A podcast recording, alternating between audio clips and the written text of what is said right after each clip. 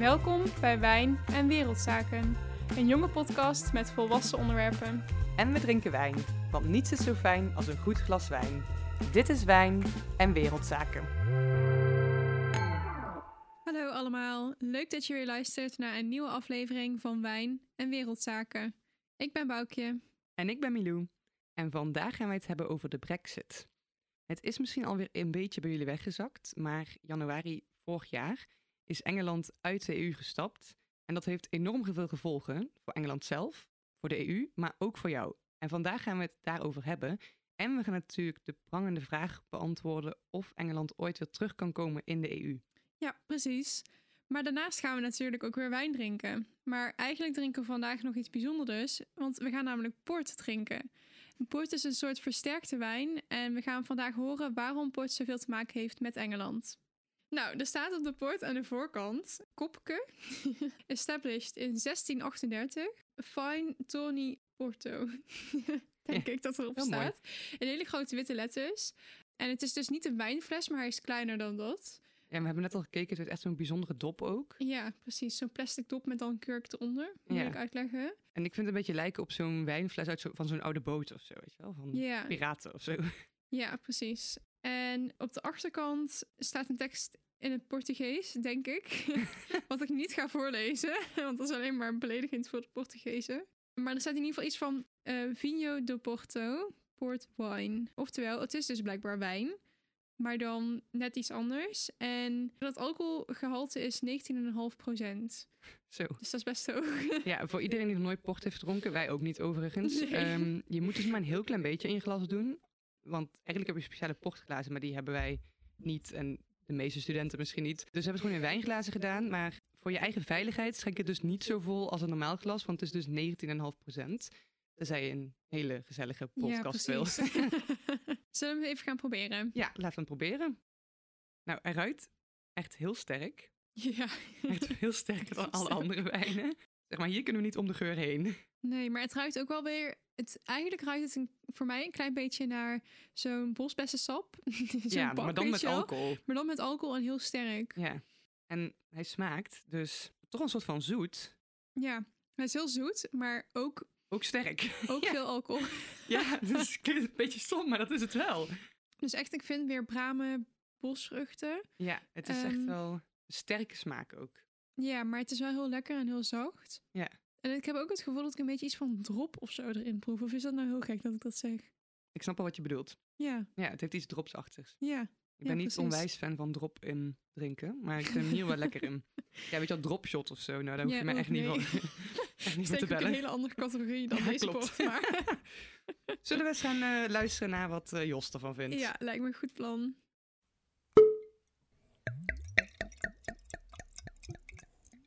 Vandaag wil ik het graag met jullie gaan hebben over port. Port is versterkte wijn. Kijk, bij wijn worden de druiven normaal vergist tot alcohol. Maar bij port wordt het proces ergens gestopt door alcohol toe te voegen. De gist gaat dan dood.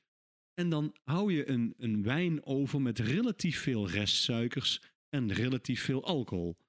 Port is dus zoet. Hoe is dit eigenlijk ontstaan? En dat is eigenlijk wel een leuk verhaal, wat ook heel goed past in de podcast van vandaag. Want eigenlijk is dat voornamelijk ontstaan door de Engelsen. De Engelsen die hebben zelf een beperkte wijncultuur en heel lang zijn ze altijd op zoek geweest naar andere landen om wijn vandaan te halen. En natuurlijk kwam er veel wijn uit Frankrijk.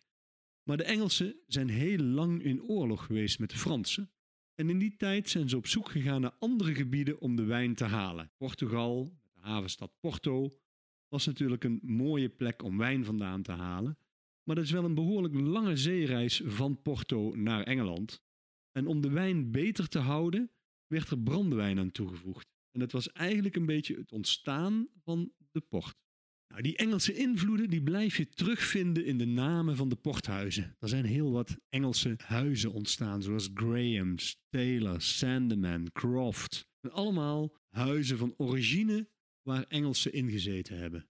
Er zijn verschillende soorten port. Je hebt Ruby port, je hebt Tawny port, je hebt Vintage port, je hebt Colheita, je hebt Late Bottle Vintage. Daar ga ik niet over allemaal iets vertellen.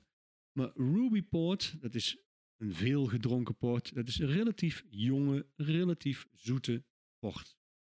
Tawny port daarentegen, die wordt wat langer op het vat gelagerd. Die oxideert iets meer, is vaak wat bruiner van kleur. En is ook iets minder zoet, heeft iets meer smaak. En dan heb je nog de vintage ports. Vintage wordt alleen maar gemaakt van de beste jaargangen. En dan blijft de port rijpen op de fles. Dus een vintage port van 1912, die wordt eigenlijk alleen maar steeds beter. Hoe ouder, hoe beter en hoe duurder. Echte oude vintage port is onbetaalbaar. Nou, voor vandaag hebben we een Tawny port op uh, het menu staan van Kupke.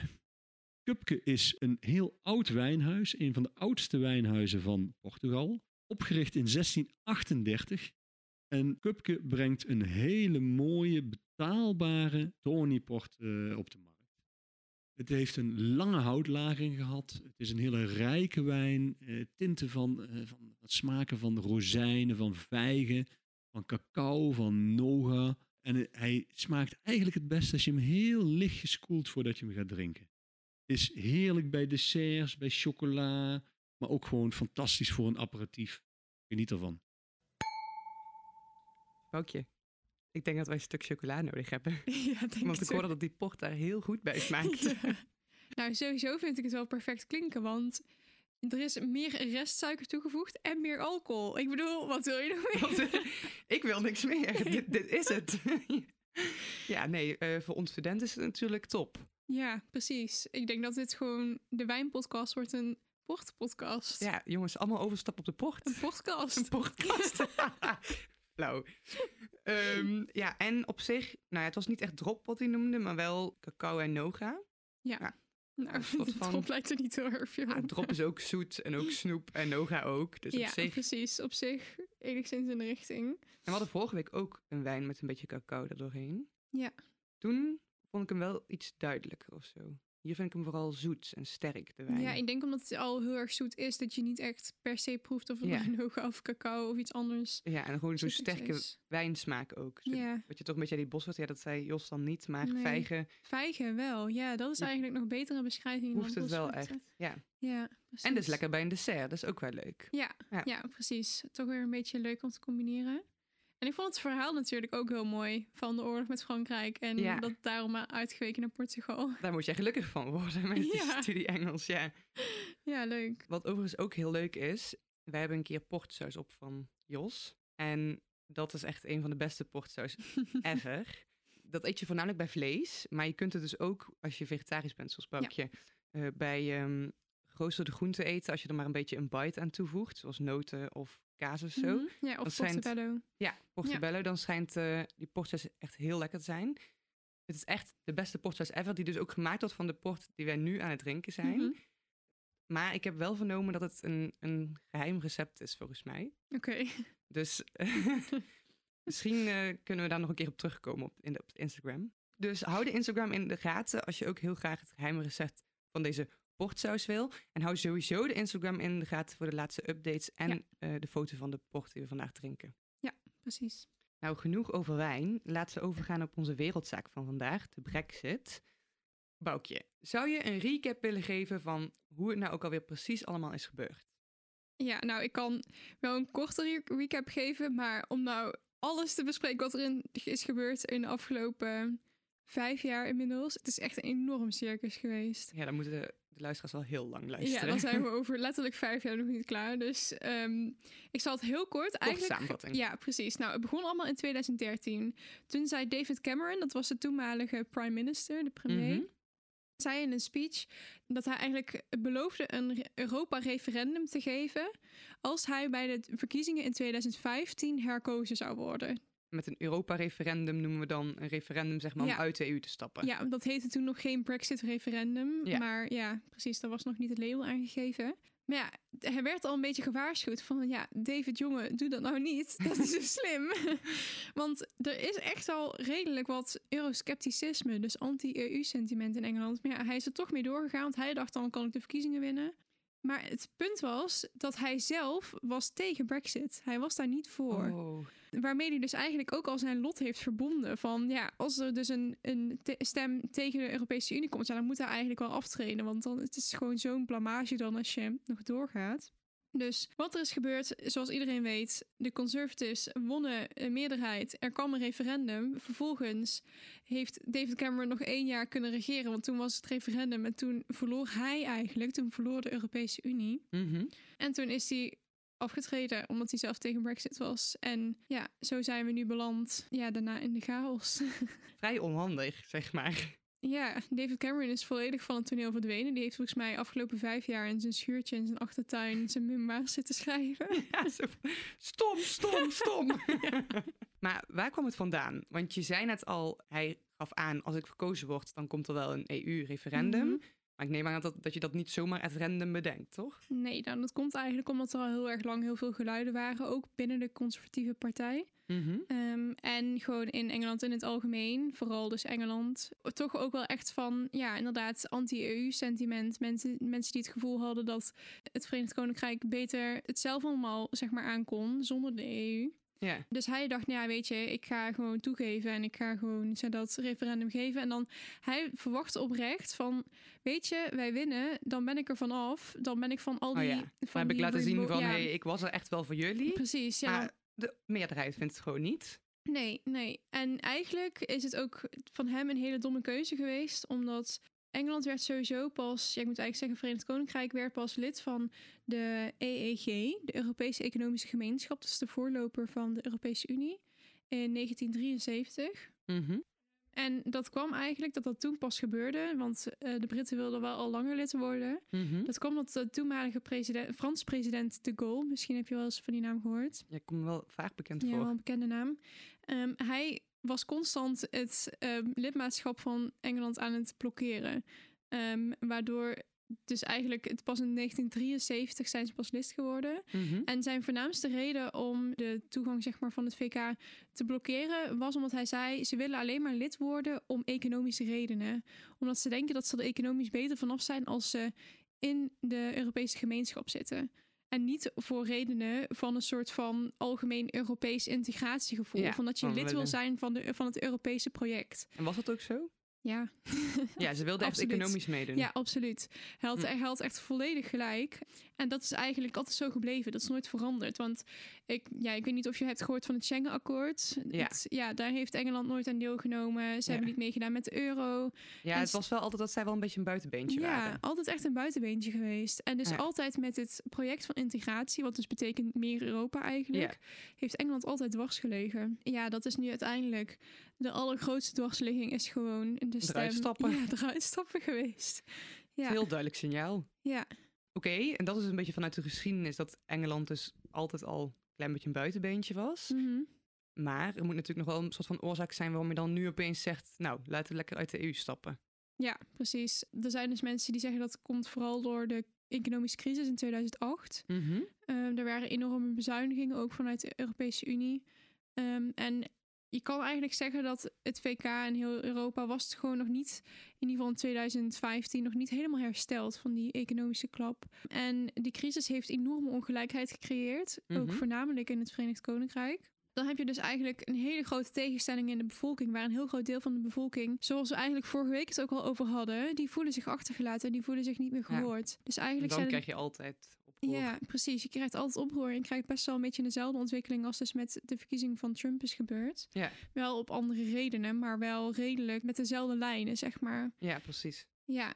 En wat ook ehm, heeft geholpen aan de winst van het Leave-kamp, is dat je aan de ene hand had je dan Boris Johnson en de conservatieven. Boris Johnson Mhm. was toen ook al campagne aan het voeren ervoor. Dus dat is dan een heel groot deel van de bevolking die eigenlijk ja, altijd conservatief stemt en denkt, nou ja, als zij dat Ja. roepen, dan zal het wel. Ja.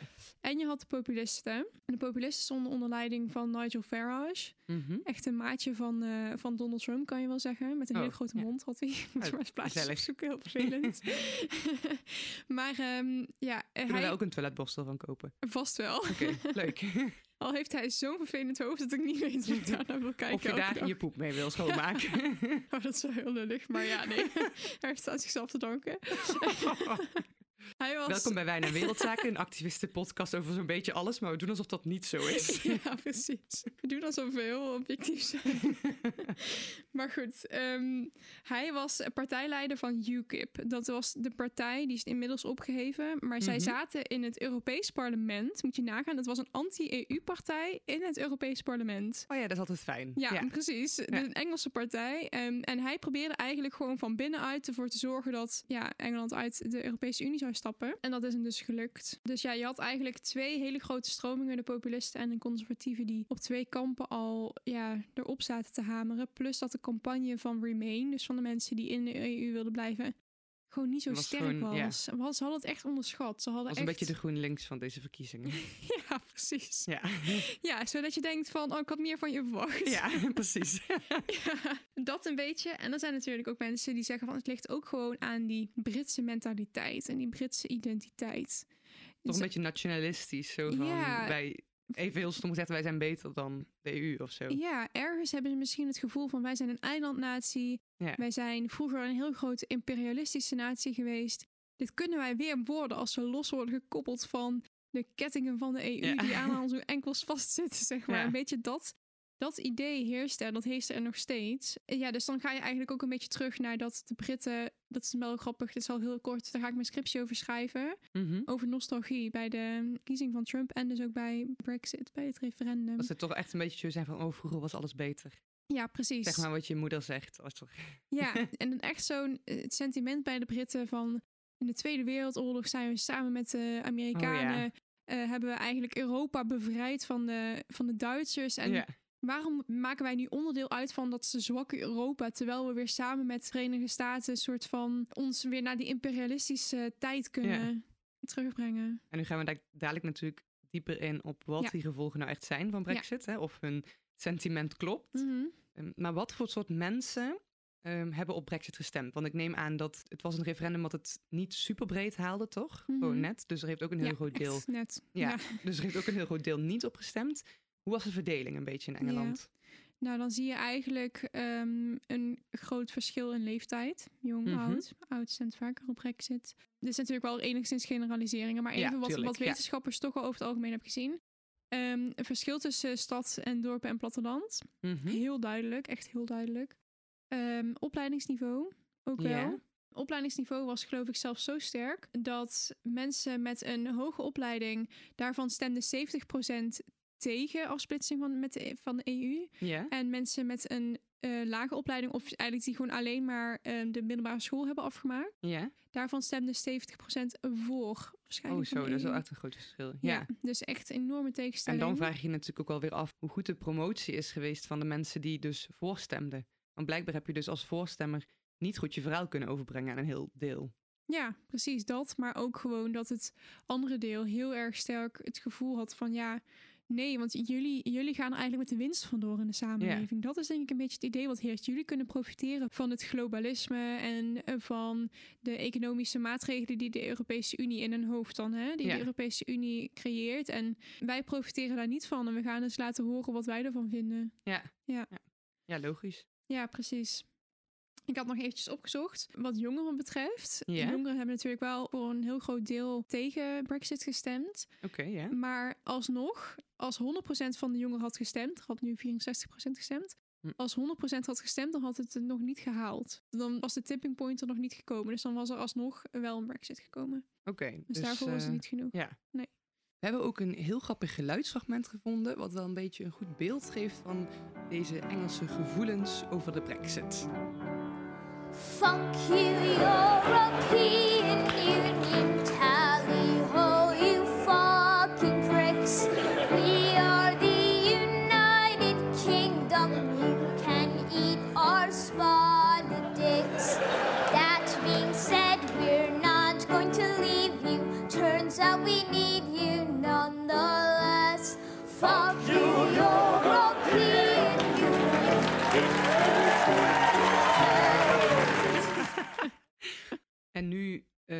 veel van de voorstemmers er natuurlijk anders over. Mhm. Kunnen ze het nog terugdraaien? Nee. Nee. Nou, goed. Dit was de vraag die jullie allemaal hadden weten. Kun je het nog terugdraaien? Nee. Dan gaan we nu over naar het volgende onderwerp. Nee, ze kunnen ze helemaal niet meer terugdraaien of kunnen ze het over Ehm, een tijd nou, terugdraaien? Ik, ik durf eigenlijk niet te zeggen wat er nou voor een soort van tijdsbestek tussen zit. Maar ik denk in de realiteit dat stel ze zouden nu Boris Johnson zou wakker worden en zou magisch in één keer het inzicht hebben gezien dat het toch een slimme beslissing was. Mhm. Dan kan hij waarschijnlijk weer gewoon lidmaatschap aanvragen. Ja. Maar ja, dat is wel even weer een proces. Daar kom je niet zomaar doorheen. ja, en moet je een tijdje eruit zijn voordat het weer aan mag vragen? Daar zijn, er zijn geen regels voor, want er Oh, dat iemand eerder uitgestapt. nee. Moet de EU nu nog regels Ja, voor daar gaan moet er maken. nog een reglement voor Ja. gemaakt gaan worden. Ja, Ja, oké. dus als ze op hun pootjes huilend terugkomen, dan heb je natuurlijk, ja, als EU zeggen, ga je dan natuurlijk ook denken, ja, weet ik niet verder nog wel willen. ja, precies. Ja, Net zoals dat iemand het uitmaakt in een relatie en dan, dan later zegt van, hé, hey, ik wil misschien Ik nog wel toch. terugkomen. En dan denk je, maar ja, in hallo. relaties is het vaak dat mensen dat toch nog één keer zeggen, ja, oké, nog een keer. Ja. En dan, ja, maar dit was ook een soort van relatie, hè? ja, maar dan zou je nu en- zeggen dat de EU het nog één keer zegt, nou, vooruit dan. En dan treedt Engeland echt uit. Nee, dat denk ik ook niet. nee. Ik heb trouwens nog een leuke wijn fun fact. Mhm. Want het Franse wijnhuis, Gold Emotion heet het, die hebben een eh, speciale Brexit bubbelwijn gemaakt. Sowieso is hun wijnhuis heel bijzonder, want ze hebben wijn waar 24 karaat schout blaadjes in dwarrelen. God, dus een beetje, extra. ja, een beetje goldstruik, maar dan echt goud en Ja. echt lijp, zeg maar. En zij dachten, oh is leuk, we gaan een Mhm. speciale wijn ontwikkelen, een bubbelwijn. Die kun je kopen als je graag de Brexit wil vieren. Ze leverden ook gratis in de UK. En die wijn die was 165 pond per fles. Een wit, dat was volgens mij wit en een Chardonnay of zo kon je kopen. En stond dan speciaal zo'n fles gegraveerd met de Engelse vlag. En daar stond dan op... Brexit, we made history. Dat is nog een leuke fun fact over ja, wijn wel en leuk Brexit. fun fact, maar waarschijnlijk kunnen ze die nou niet meer zo makkelijk over de grens krijgen, want... Nou, ze hebben, ze, het schijnt dus dat nog best wel veel mensen het in Engeland toen gekocht hebben, maar dit is nog wel vlak voor de Brexit. Oh, dus net, net op tijd. Net op tijd. Ja. Ja. maar ook weer zoiets kroms, hè? Want je wil uit de EU, maar vervolgens maak je dus handel met Frankrijk. En met dit soort wijnen maak je dus moeilijker. ja. Ja. Want wat zijn nu precies allemaal de gevolgen Mhm. van Brexit? Ja, nou om eventjes bij handel te blijven. Ik weet niet of je daar iets van mee had gekregen, maar toen de... de- Je zag een mooi voorbeeld van toen de Britse variant van het coronavirus uitbrak. Toen besloten veel landen, waaronder Nederland, van we gaan gewoon de grens met Engeland volledig dichtgooien. Van dat is vast een goed idee. Waardoor er dus enorme files kwamen van al die vrachtwagens die gewoon de grenzen niet meer over, over konden. Dat is nog nooit eerder gebeurd. Zo erg is het nu niet meer. Het loopt wel redelijk door, maar er zijn wel echt veel meer files en vertragingen. Er moeten echt veel meer controles gedaan worden op de inhoud van, van pakketten en alles wat er geleverd wordt. Mhm. Dus er zijn echt wel flinke vertragingen. Ja. En, En is dan voornamelijk vertraging of kost het Mhm. dan ook meer? Ja, geld, tijd is natuurlijk geld, Ja, maar volgens mij kost het ook meer. Ik durf niet precies te zeggen wat. Maar ik weet wel dat als je bijvoorbeeld een pakket naar ehm, een studiegenootje of zo in Engeland wil opsturen, of Mhm. dat zij dat hierheen willen, je kan echt niet meer zomaar eten en drinken sturen.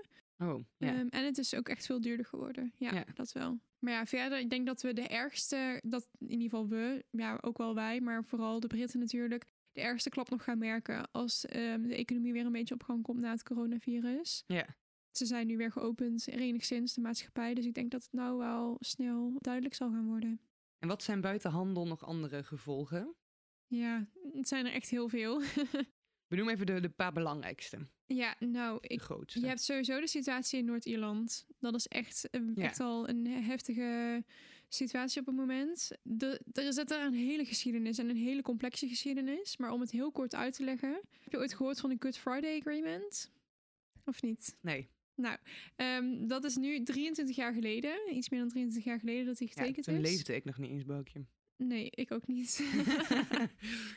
Ehm, maar het, je had eigenlijk toen al heel veel geweld in Noord-Ierland. Dit ligt allemaal historisch heel gevoelig.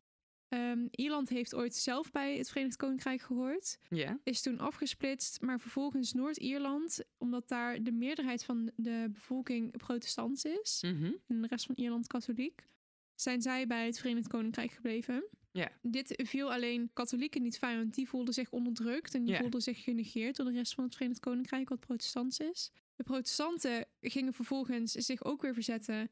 Want zij vonden, zeg maar, zij, zij zijn de loyalisten zo genoemd. En zij gingen zich weer verzetten tegen het geweld van de katholieken. En de katholieken gingen daar weer tegen de IRA, de oprichter. Oh ja. Ja, misschien wel dan van gehoord, voor, Irish ja. Republican Army. Ja. En daaruit is echt een enorm gewelddadige situatie ontstaan. Ja. Maar ja, toen is er een Good Friday Agreement gekomen, ook met de hulp van de Verenigde Staten. ehm, dat eigenlijk, ja, die hebben, heeft gewoon de vrede ge- gecreëerd. De Britse regering had beloofd om de katholieke minderheid in Noord-Ierland goed te beschermen. Maar ja, het lag allemaal nog steeds heel gevoelig, want de IRA bleef aanslagen plegen en bleef een beetje onrustig. Ja, en dan tot nu. Want nu hebben heel veel jongeren in Noord-Ierland het gevoel dat ze vergeten worden, als het ware. Ja. Weer- Wederom een gevoelig punt. Door het Verenigd Koninkrijk, omdat daar toch die grenzen gaan niet lekker. En de Ja, grens dat met Ierland allemaal- gaat niet ja. lekker. En dus dat borrelt echt weer. En ja, er zijn nu echt al protesten geweest. En ehm, Met veel jongeren dan. Ja. heel veel jongeren, heel veel jongeren die zich eh, achtergelaten voelen. Ja. En hoe zit het precies met Schotland? Ja, dat is ook een hele leuke vraag. Ingewikkelde vraag, wederom. Schotland, daar heeft maar 38% van de mensen voor Brexit gestemd. Dus een ruime meerderheid was tegen afsplitsing van de. EU. Er is al ooit een referendum geweest in Schotland in 2014, als ik goed zeg, over of zij nog lid wilden blijven überhaupt van het Verenigd Koninkrijk. Mhm. Dus met Engeland eigenlijk en. Noord-Ierland en Wales verder wilden. Dat is er toen niet doorheen gekomen? Oké, Maar door Brexit denken heel veel Schotten er nu anders over. ja. De grootste partij in Schotland is de SNP, de Scottish National Party. Zij staan onder leiding van Nicola Sturgeon en zij zijn eigenlijk al jaren voor Schotse onafhankelijkheid. En het interessante is nu dat er vorige week verkiezingen zijn geweest voor het Schotse parlement onder andere. Mhm. De SNP had al veel zetels, maar ze hebben er nog één bij gekregen. Het is net niet genoeg voor een meerderheid. Daarvoor hadden ze er nog eentje extra moeten krijgen. Maar ze kunnen waarschijnlijk een coalitie gaan vormen met de Groenen, met de Green Party, die ook voor onafhankelijkheid zijn. Dus dat betekent dat ze ehm, eigenlijk met een meerderheidscoalitie dan uiteindelijk in het parlement komen. En daarmee kunnen ze dus, als ze dat willen, een nieuw onafhankelijkheidsreferendum gaan uitschrijven. Dit ligt nogal gevoelig, omdat Boris Johnson in Westminster, die moet zo'n referendum goedkeuren. En hij heeft al aangegeven dat hij dit niet gaat doen. Ook omdat er nu in 2014 al eentje is geweest. En hij heeft gezegd, het is een once in a generation referendum. En dat is natuurlijk zo een aantal jaren later is niet één keer in een generatie. Ja. Ehm, ja, dat betekent dat het referendum, als het uitgeschreven gaat worden, dan is het dus illegaal en kan het alleen een raadgevend referendum zijn. Maar ja, goed, ehm, het Brexit-referendum was ook een raadgevend referendum. En kijk waar we beland zijn. Dus echt, het kan echt nog alle kanten op gaan. Wow. Chaos all over. Ja, het wordt dus echt heel spannend of er een nieuw referendum komt en of ze die dan ook gaan winnen natuurlijk. Want voor nu staat de teller ongeveer 50-50. Het wisselt een beetje. Soms is er een meerderheid in de peilingen voor onafhankelijkheid en dan weer net niet. Maar ja, het zou echt wel eens kunnen dat de Schotten dus uit het Verenigd Koninkrijk gaan treden en daarmee opnieuw Europees lidmaatschap gaan kunnen gaan vragen. Zo. Ja, we hebben het al vaker gezegd. Wereldzaken is soms net een slechte soap. Ja, Nou, dit, is echt een eh, slechte soap. En zijn er eigenlijk ook positieve gevolgen van Brexit? Ja, nou, ik had toevallig laatst met mijn opleiding, ehm een, eh, ja, laatst, ik alweer een half jaar geleden. Toen hadden we een soort van online evenement met de nieuwe ambassadeur, de Nederlandse ambassadeur in Londen. Mhm. We hadden de mogelijkheid om hem vragen te stellen. En ik dacht, het ging allemaal heel negatief. En hij vond Brexit maar niks. En toen dacht ik, ja, ik vind Brexit ook niks. Maar weet je wat? Ik ga hem die vragen stellen. Is er ook iets positiefs? Ik dacht, laten we de dag afsluiten met, Met- een positief Met een verhaal. blijheidsbrenger. Ja, precies. hij was daar niet zo van gediend. Oh, hij was niet blij dat je die vraag stelde. jawel. Nou, op zich, maar hij was echt... Hij was zo negatief. Hij zei, nee, nee, eigenlijk, ik kan nu niks bedenken. Er is... ja, Nou, lekker dan. ik had het ook niet zo verwacht. Maar ja, als hij het dan zegt, dan denk ik, nou... Ja, nee, ik kan eigenlijk heel weinig positiefs bedenken. Heel misschien, niet zozeer voor ons...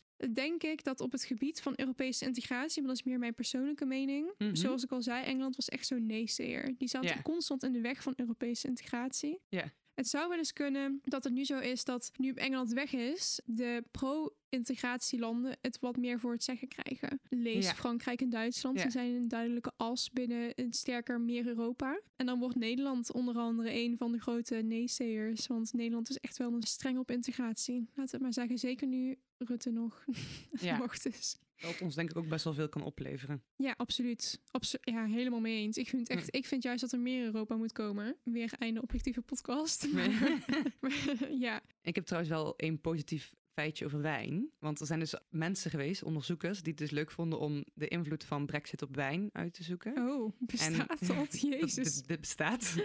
Eh vinoloog, denk ik. en eh, nee, ik weet niet wie het heeft onderzocht, maar zij hebben onderzoek gedaan naar wat, wat de Mhm. invloed is ervan.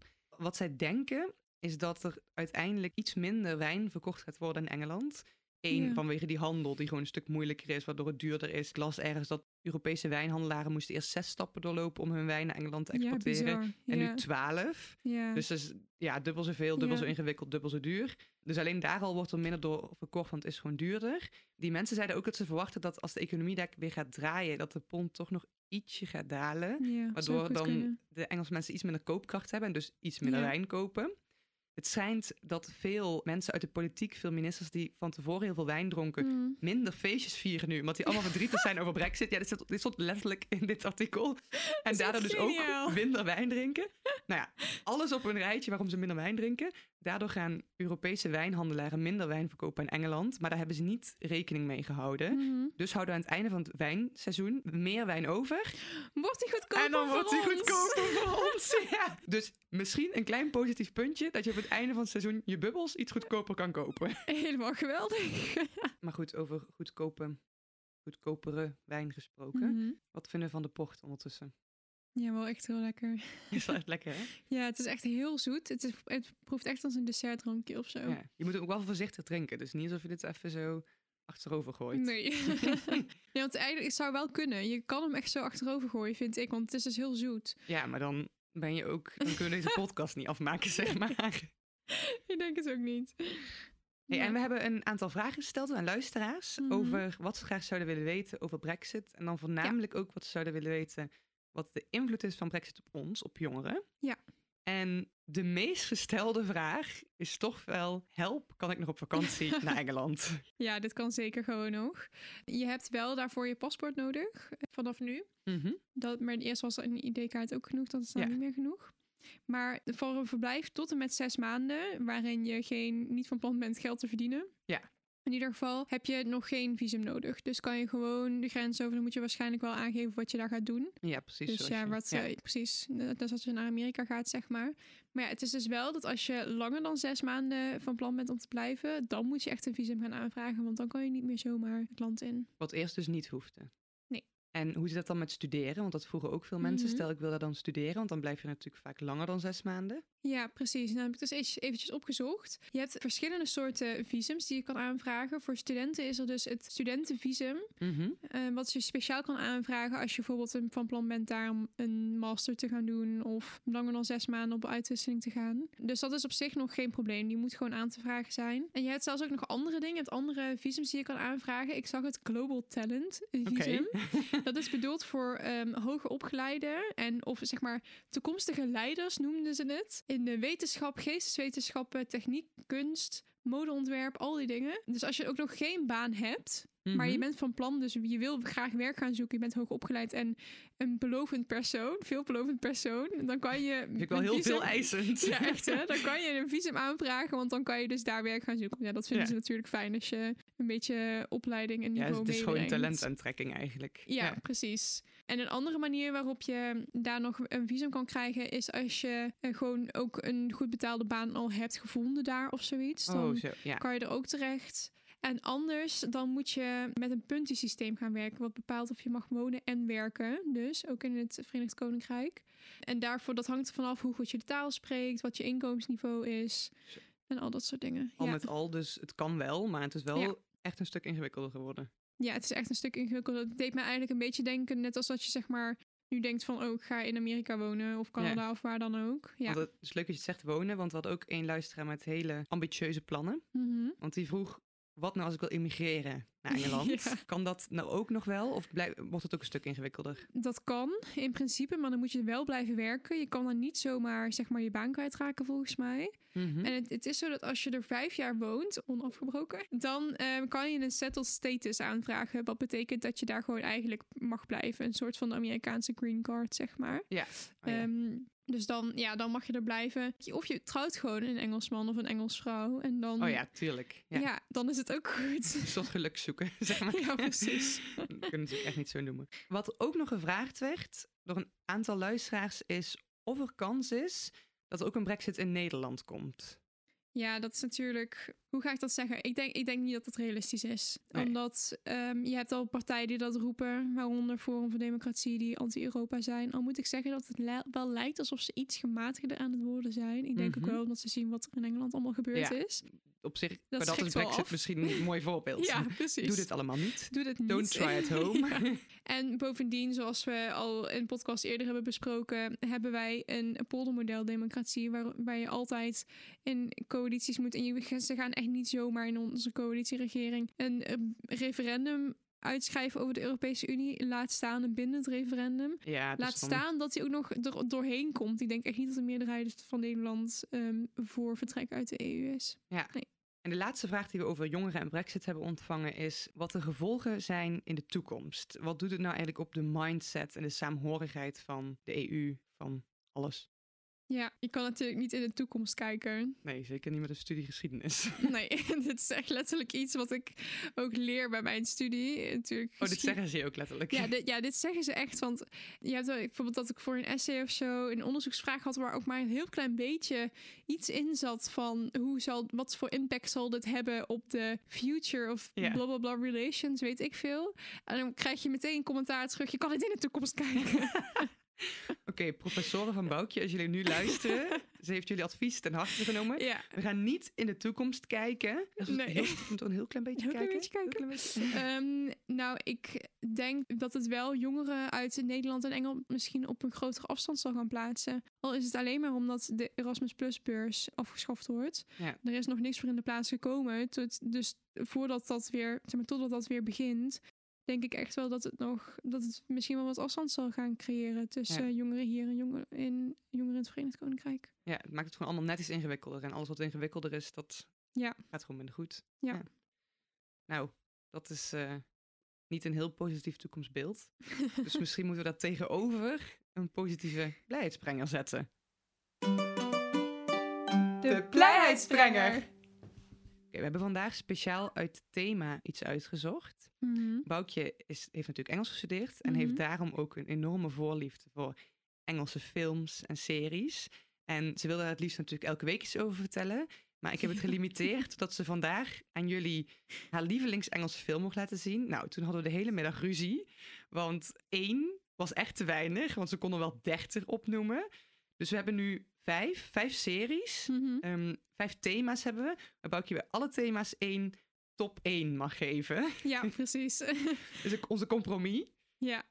Oké, Boukje, het is aan jou. Ja, nou ja, het was echt heel lastig voor mij. Ik ben echt een mega Engeland freak eigenlijk al sinds dat ik, ja, ik denk al wel dat sinds dat ik kind was. Ik was altijd al helemaal, ik weet niet wat ik met Engeland heb, maar ik heb er iets mee. Dus ook als het op series aankomt. Ehm, en ik dacht, als ik nou de beste pak inderdaad in alle categorieën, dan kan iedereen op die manier een beetje iets uitzoeken wat hij leuk vindt en dan zo nog meer leren over de Engelse cultuur. Om te beginnen dacht ik in de categorie een beetje mystery en zo Mhm. ga ik zelf voor Sherlock. Je Ja, hebt oh natuurlijk wel eens van leuk. Sherlock Holmes gehoord. Ja. Het is een hele bekende serie al, Ja. maar het is echt geweldig. Ja, En dat is wel echt leuk. uber Brits ook.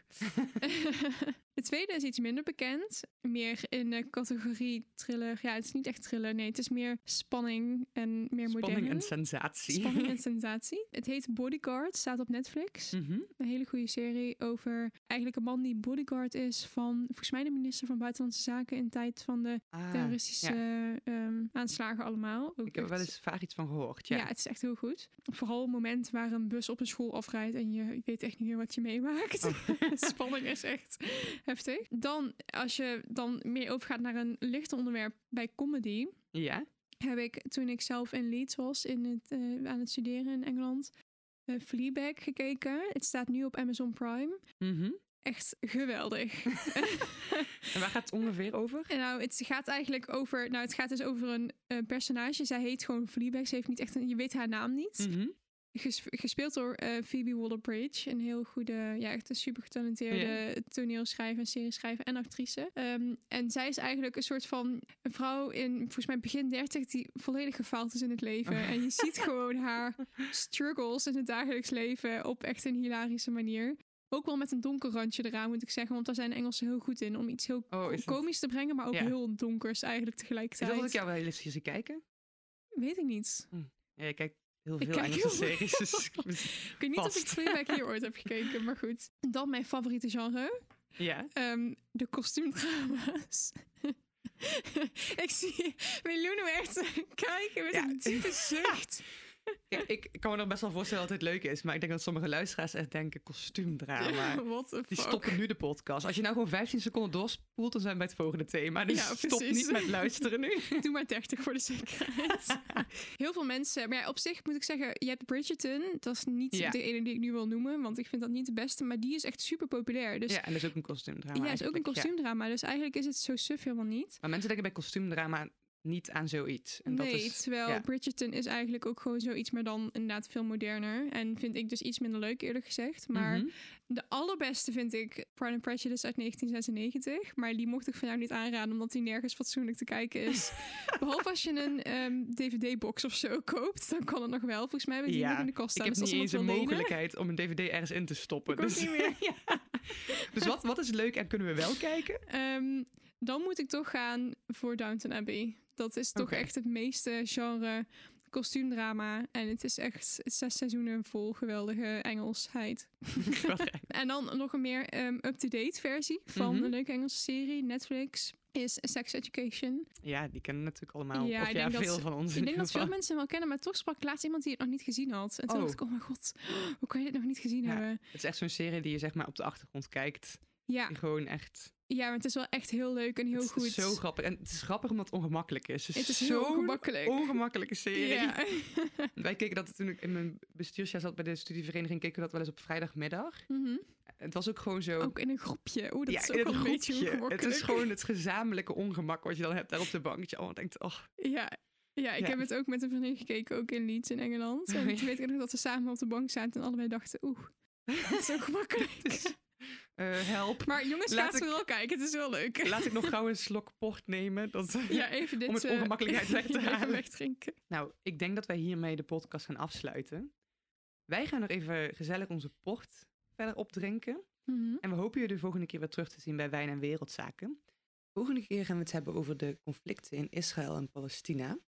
We wilden het eigenlijk graag over de Oeigoeren hebben. Maar we hoorden van jullie heel veel berichten dat jullie graag meer informatie wilden over de conflicten in, in de Gazastrook. En daarom, naar aanleiding van de poll die op Instagram is geweest, hebben we besloten om het de volgende keer daarover te doen. Nu willen we natuurlijk ook heel graag weten wat jullie dan precies willen leren.